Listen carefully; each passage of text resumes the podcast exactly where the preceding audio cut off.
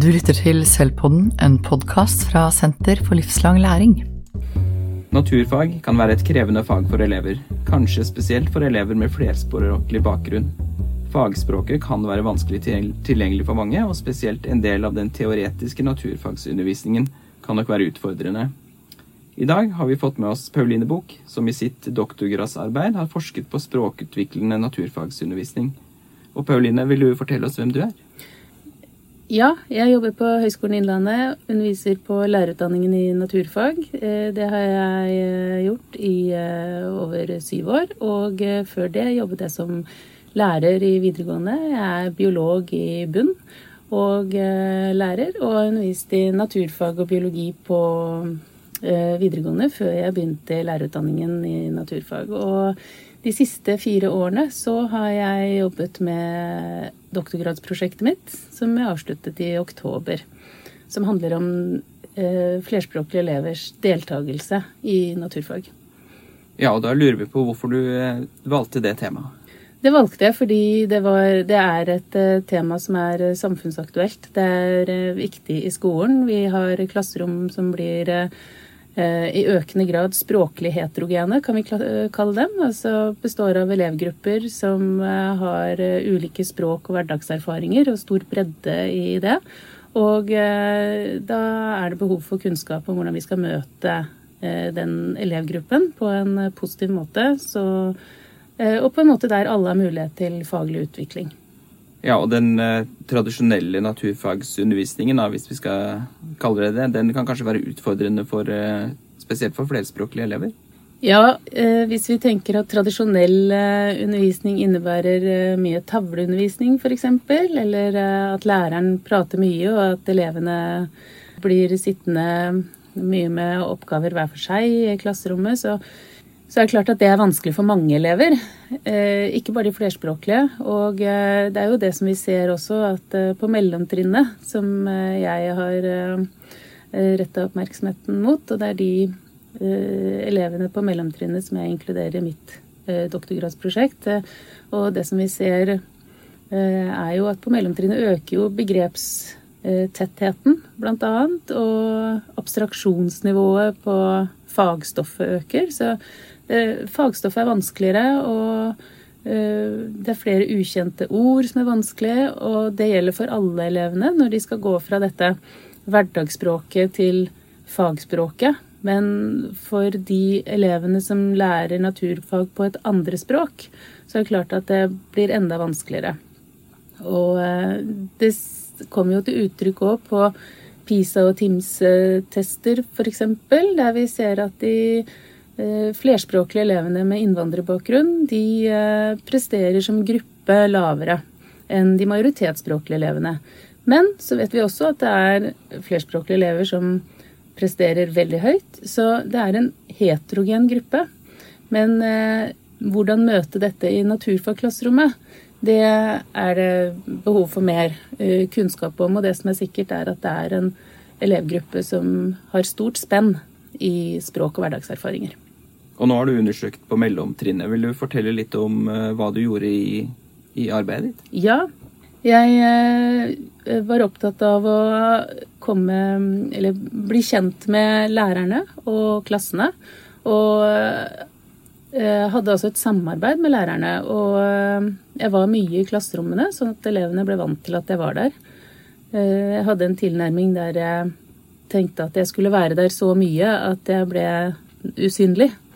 Ehm, og eh, det tenker jeg at det fikk jeg til eh, på en måte som gjorde at jeg kom i kontakt med elevene uten at jeg hadde en, eh, en dominerende eller veldig aktiv rolle i klasserommet, annet enn i de periodene hvor det var et bevisst valg.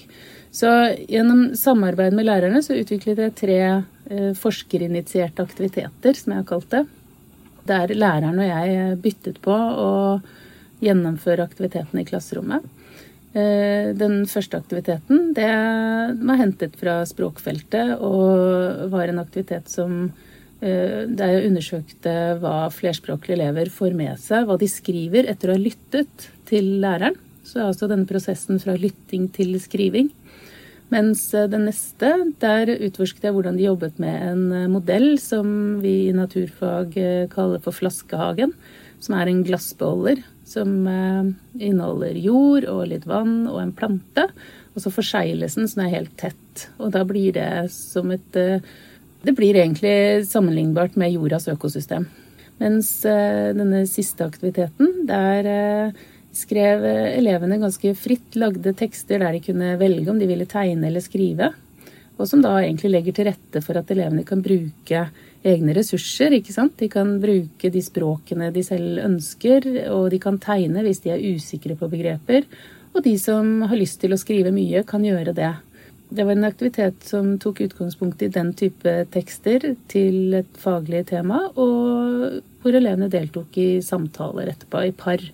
Og jeg så hvordan de da deltok i å bruke fagbegreper og deltok i samtalen um, når de var sammen med en medelev og meg. Så da utforsket jeg også dette med en fagidentitet og hvordan elevene på en måte eh, deltok også Hvor dette faglige ble kobla opp mot det sosiale. Ja, og da har, vi, da har du tre aktiviteter. og Vil du fortelle litt om hva du fant ut gjennom observasjonen av de tre aktivitetene? Jo, eh, det som jeg fant, det var i denne første aktiviteten, i overgang fra lytting til skriving, så er det ganske tydelig at eh, de flerspråklige elevene de får med seg det første de hører i en tekst, som blir lest opp, eller det første som blir sagt.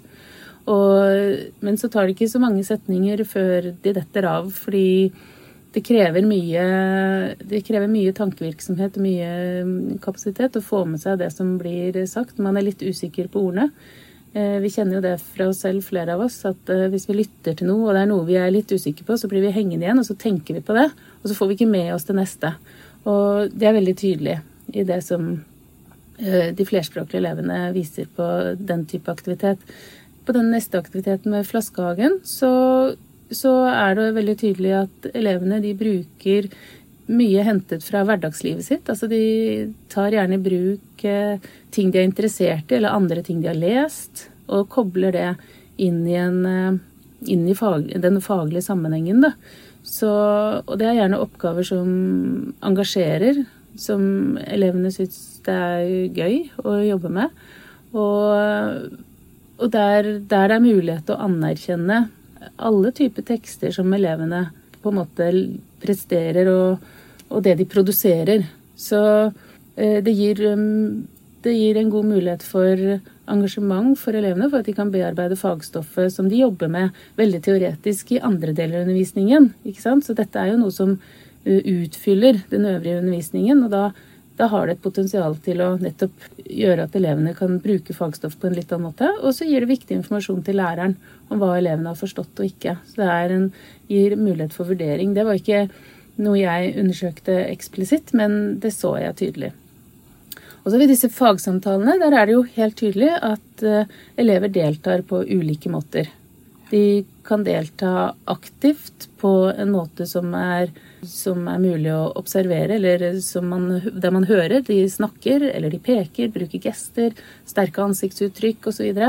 Men så er det også tydelig uh, at det er mange situasjoner der flerspråklige elever velger å ikke prate, f.eks., men de er veldig aktive allikevel.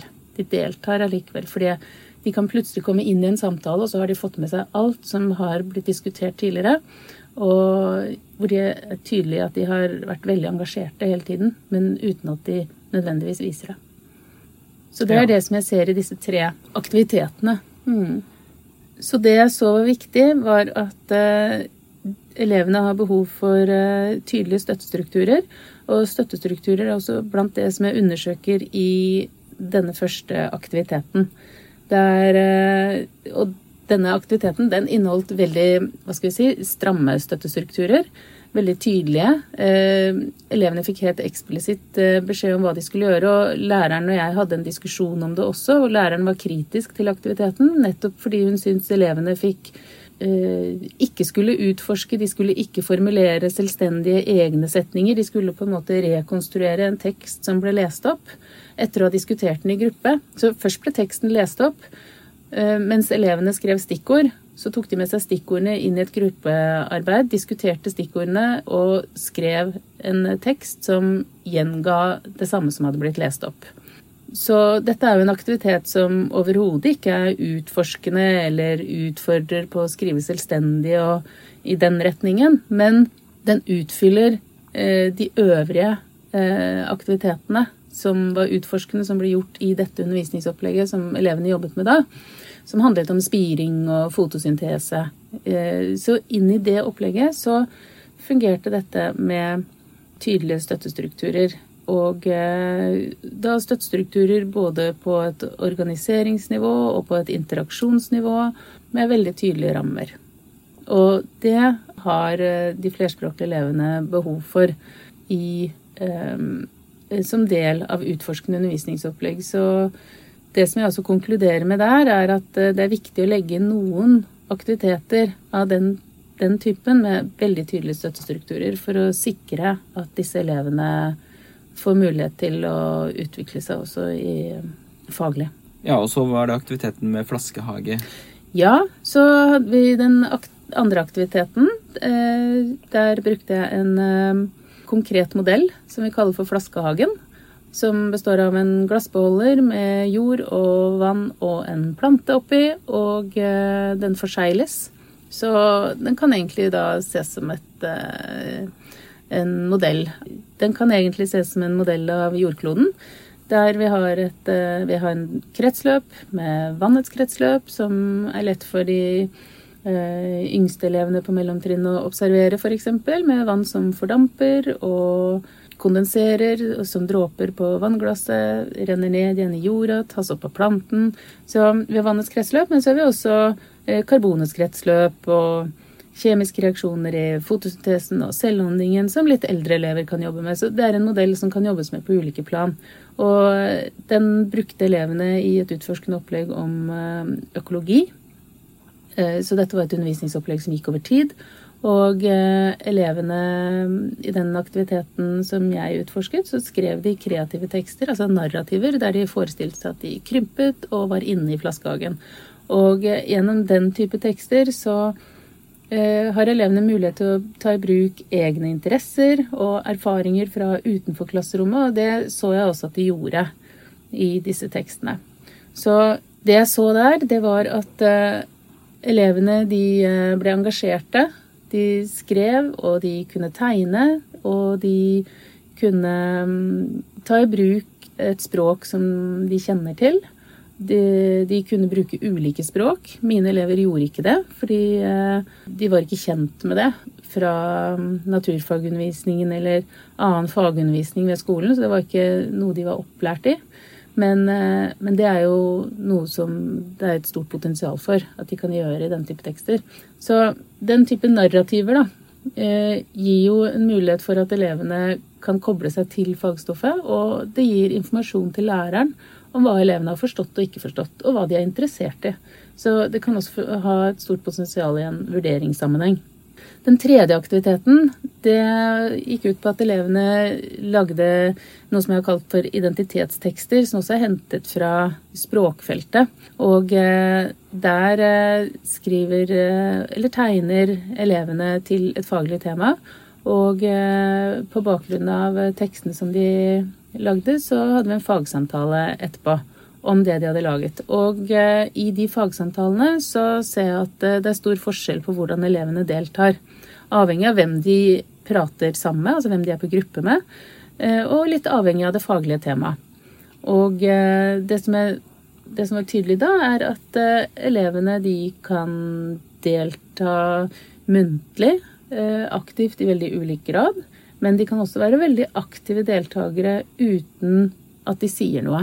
Det er tydelig hos de flerspråklige elevene. Det kjenner vi også fra annen litteratur, at de kan ta et aktivt valg om å ikke delta muntlig fordi de ikke ønsker å risikere eh, negative sosiale konsekvenser, f.eks. Og det var tydelig i de samtalene som jeg hadde, fordi noen av de flerspråklige elevene kunne f.eks. være stille i store deler av en samtale, og så kunne de plutselig komme inn og stille spørsmål eller delta som viste at de hadde fått med seg alt som hadde vært diskutert tidligere, og hvor de virkelig hadde vært aktive også i tankeprosessene, da. Så det vil være ganske viktig for læreren å følge med på elevenes utvikling på flere måter. Da. At man ikke bare tar den klassesamtalen som utgangspunkt for å forstå elevenes kompetanse. Det er veldig viktig. Og de, når det gjelder de flerspråklige elevene, så er det veldig typisk at de er stille i helklassesituasjoner. Mange vil eh, trekke seg tilbake, og, og kanskje de vil være aktive i småklassediskusjoner. Det viser også annen litteratur. At eh, det er av de, eh, en av de formene for organisering som legger til rette for at de elevene som lærer naturfag på et andre språk, bruker språket mer aktivt, og at de deltar mer muntlig som er en viktig del av læringsprosessen deres, både språklig og i naturfag. Det høres ut som at alle disse tre aktivitetene legger til rette for at elevene kan bruke seg selv som ressurs og får en lavere inngangsport for å delta i undervisningen. da. Absolutt. Og nettopp det å ta i bruk ressursene, det er jo det som eh, er eh, noe av kjernen i det som jeg er opptatt av. At eh, elevene kan bruke det de det de har å bygge fagkunnskap på. Det for eh, de som lærer naturfag på et andre språk, så handler det om å bruke flerspråk, eller ulike språk, som en ressurs eh, for å skape mening. Og for mange så, så letter det veldig å lære et fag hvis de kan veksle mellom de språkene de kan. Altså dette med transspråking eller translanguaging, som mange er opptatt av. Eh, for andre elever så er ikke det en støtte. men det vil allikevel være en støtte å kunne bruke eh, ulike kulturelle erfaringer, ulike erfaringer fra aktiviteter, hverdager, interesser som man har fra, fra hverdagen. For det er det, det er det vi kjenner til fra tidligere, som vi bygger ny kunnskap på. Og sånn som klasserommene er i dag, hvor de er språklig heterogene, så, eller hvor det er stor variasjon i elevenes språk og hverdagserfaringer, så er det viktig at læreren er klar over at disse ulike ressursene, er, eller disse ulike erfaringene som elevene har med seg, de er ressurser. Eh, de skal ikke være et problem, de skal være ressurser. Så, og det å finne en undervisningsform der eh, elevene får mulighet til å bruke ressursene sine for å lære fag, det, det er viktig. Og da tenkte jeg litt på den flaskehageaktiviteten, da som kanskje Jeg tenkte at der kan kanskje elever ta inn erfaringer fra livet sitt. Om de da kommer fra andre steder, så har de kanskje andre erfaringer, men som er like verdifulle inn i opplegget? Absolutt. Og bare for å ta ett eksempel fra en av tekstene, så, så hadde jo elevene her laget en flaskehage i naturfagundervisningen. men men en av elevene med afrikansk bakgrunn trakk f.eks. inn en tiger og altså typisk afrikanske dyr da, inn i Eh, denne teksten, og det hadde selvfølgelig ingenting med, med det fagstoffet den teksten å gjøre. Og, og, denne typen tekster hvor det er altså narrativer, det er kreative tekster, de vil ikke alltid være direkte faglige, men med gode støttestrukturer så, så vil de være De vil skrive om det faglige temaet. De vil Tankeprosessene vil, til elevene vil omhandle det som foregår i Flaskehagen, men de kan ta, de kan ta med andre ting fra eh, erfaringer utenfra, eller ting de er opptatt av, eller som de føler at eh, eh, Ja, som berører. Og det kan bidra til å skape en større tilknytning og en større interesse for fagstoffet. Og det er inn i en sånn sammenheng at den type tekster har en betydning. Altså det bidrar til at elevene kobler seg mer på fagstoffet. Den denne typen tekster kan selvfølgelig ikke stå alene. Eh, de må inngå i et større undervisningsopplegg og utforskende undervisning som går over tid. Og det gjorde det jo i mitt tilfelle òg, men jeg mener inn i, et, eh, inn i en undervisning som går over tid, så har denne typen tekster et potensial. Og de flerspråklige elevene de kan kanskje anse seg selv som en større ressurs og bli oppfatta av de andre i klasserommet også som en større ressurs når de får muligheten til å bruke sine hverdagserfaringer inn i undervisningen? da? Det kan de absolutt. Eh, men sånn som realiteten er i norske klasserom i dag, så gjør de nok ofte ikke det. Eh, det er nok typisk for eh, mange flerspråklige elever at de prøver å være så norske som mulig, og at de gjør minst mulig ut av en annen kulturell bakgrunn som de har. Nå vil det også være forskjell på hva slags bakgrunn det er. Da kommer vi inn på status. Altså ulike språk har ulik status. Men uansett så vil det være Det må skapes en klassekultur for å anerkjenne ulike eller stor variasjon i språk og kulturerfaringer. Og vi ser jo ofte på det som en ressurs når elever er flinke i engelsk f.eks., og særlig hvis de også kan tysk eller fransk. Men er det en like stor ressurs med, med andre språk? Så det må skapes en kultur eh, der det å kunne mange språk, det er, det er noe som er, blir sett på som positivt. Og da må det, da må det Eh, fremheves og tydeliggjøres på en eh, måte som gjør at elevene lærer det fra at de er ganske unge, tror jeg, i klasserommet. Det må rett og slett skapes, etableres en, en, kultur. Ja, den må jo bygges over tid, men det betyr ikke, kanskje ikke at man må gjøre veldig store grep med undervisninga si for at det skal bli litt bedre? Absolutt ikke. Men det er ganske små grep, eh, tror jeg i mange tilfeller. F.eks. trekke fram enkelte begreper og hva de begrepene er på ulike språk, eller Eh, hvordan planter eh, er tilpasset i ulike områder, f.eks. Hvis vi snakker om naturfag. Altså, det er jo mange elever som kommer fra andre deler av verden hvor de har helt andre erfaringer med helt andre typer eh, planter, f.eks. Altså det å, å, trekke inn den type erfaringer, og særlig det å organisere, organisere aktiviteter og oppgaver til elevene der Eh, det er, en, det er en fordel at elevene har ulike erfaringer. Altså det er nettopp det å ha stor bredde i erfaringene er en styrke når oppgavene skal løses. En type oppgaver der, der elevene blir anerkjent for å eh, vise til eh, kunnskap fra ulike deler av verden, f.eks. Ja, og Det samsvarer jo ganske godt med det læreplanen også snakker om når det gjelder inkluderende undervisning og en eh, mer fellesskapende didaktikk. da. Det er nettopp det. Eh, læreplanen uttrykker jo det tydelig. Vi skal ha en inkluderende undervisning, og vi skal sette pris på mangfoldet. Og, og det skal løftes frem, og det skal anerkjennes. Så dette er absolutt i tråd med læreplanen. Eh, og som sagt så tror jeg ofte at man kan gjøre veldig mye med ganske enkle grep. Og de tre aktivitetene du har eh, skissert og prøvd ut, de mm, kan jo bidra til en sånn type mer fellesskapende undervisning, kanskje? da? Det har vært min eh, tanke, og det var derfor jeg var nysgjerrig på akkurat den typen av, type aktiviteter også.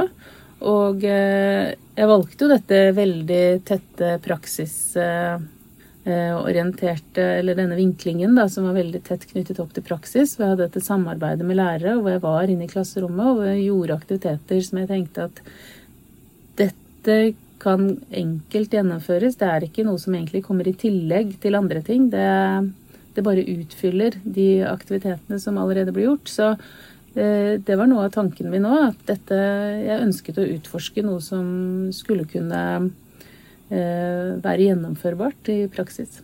Ja, og da kommer vi kanskje inn på forskningen din og hvilke implikasjoner dette kan få for undervisningen, og hvilke råd vi kan gi til eh, skolene.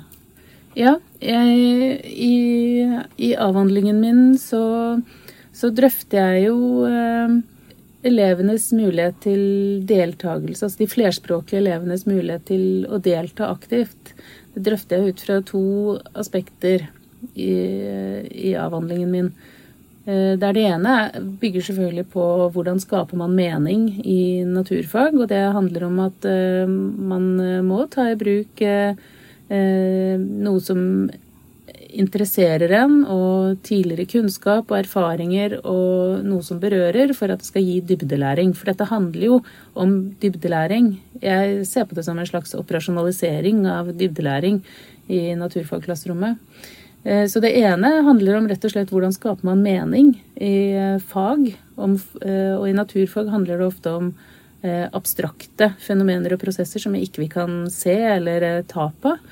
Og så hvordan skaper vi mening om det? Det er det ene aspektet. Og det andre er et likeverdaspekt. For det er også Det kommer også tydelig frem både i min forskning og i annen forskning at uh, likeverdaspekter som det å oppleve at man blir sett, at man blir anerkjent, uh, verdsatt for det man kan, og uh, at man faktisk er opplev kan oppleve seg selv som en verdifull bidragsyter i et fagfellesskap. At når man jobber i en, et gruppesamarbeid f.eks., så opplever man at man har faktisk noe faglig å komme med. Det handler jo om aktørskap, som den siste artikkelen min også handler om. Men, men dette likeverdaspektet, det er en viktig side ved læring i naturfag. Så for mange naturfaglærere så, så da er man jo opptatt av fag. Hele hensikten i naturfaget er jo at elevene skal lære faget. Men eh, vi kan allikevel ikke se bort fra språklige aspekter og likeverdaspekter. For det er en viktig del av selve læringen. Ja, så Noe som kanskje kan bli viktig på skolen, er å jobbe med forståelsen for hvordan kompetanse ser ut. Da. At man, man har fagkunnskaper, og så har man fagferdigheter, og så har man fagkompetanse, og også overgripende kompetanse. Mm. Så jeg tenker jo overført til mitt fag, samfunnsfag f.eks., at det ville være eh, Hvis man skulle starte undervisninga rundt krig f.eks., så ville det være fornuftig å ta tak i f.eks. hva krig er, før man begynner å gå inn i hvordan første verdenskrig arta seg i Norge. da. Fordi det kanskje ville kunne koble på flere elevers ressurser inn i arbeidet, og det kunne sett, vært sett på som en ressurs. da. Det er et godt eksempel. Jeg tror det er mange likhetstrekk mellom naturfag og samfunnsfag også når det gjelder eh, begrepstetthet og dette at det er eh, spesifikke faglige aspekter som skal læres. Og hvordan man skaper mening om det.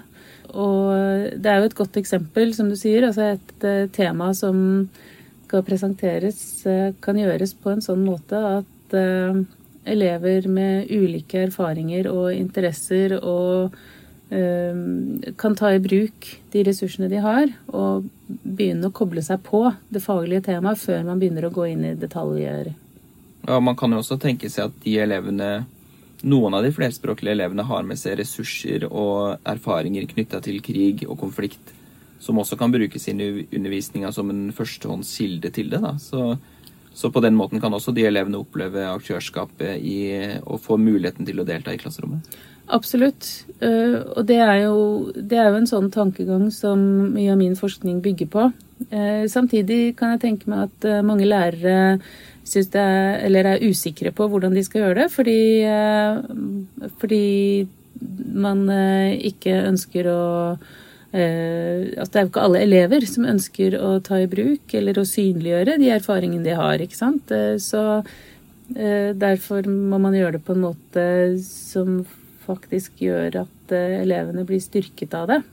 Og da må det jo være dialog sammen med elevene, selvfølgelig. Det, men da det å ha en bevissthet rettet mot de aspektene tenker jeg er første skritt som er viktig for læreren. Og det neste er å, å gå inn i og se hvordan, eh, hvordan kan faktisk elevenes ulike ressurser eh, bringes inn på en måte som, eh, som, bidrar til at de opplever seg selv som aktører.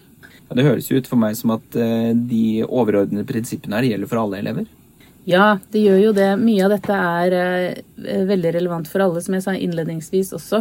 Men eh, det som er spesielt for de flerspråklige elevene, er jo at de har med seg språkressurser og kulturelle erfaringer som kan bringes inn i det faglige på en måte som er med på å bidra til læring. Men det er klart, sånn som klasserommene er i dag, så er bredden i elevenes eh, språk- og hverdagserfaringer stor uansett om de har innvandrerbakgrunn eller, eh, eller ikke. Så det er det er stor variasjon uansett. Og det som jeg eh, har vært opptatt av i prosjektet mitt, det har jo vært at denne variasjonen, den er jo en styrke uansett om det handler om språk eller kultur eller interesser eller ulike familieforhold eller eh, Ja, eh, at eh, denne variasjonen bidrar til et mangfold som er positivt hvis det blir lagt til rette for at det blir anerkjent og det blir sett på som positivt. I klasserommene i dag så er det en fare for at uh, stor variasjon i elevgruppen blir sett på som et problem. Og det er klart det blir et problem hvis målet er at alle elevene skal lære det samme på samme måte. For det, det, det er det selvfølgelig ikke grunnlag for. Uh, det vil ikke være mulig å gjennomføre. Eh, med en positiv opplevelse for alle elevene, i hvert fall. Men derfor eh, er det viktig å også få rettet en bevissthet mot dette med synet på eh, bredden i elevenes erfaringer, og at sett, denne, denne variasjonen blir sett på som noe positivt. Tusen takk skal du ha, Pauline. Vi skal eh, linke til avhandlingen din og til artiklene du har referert til eh, sammen med episoden på nettsidene våre på selvpodden.no. Så de som har lyst, kan eh, forske litt mer på din forskning igjen. Tusen takk skal du ha. Takk for meg.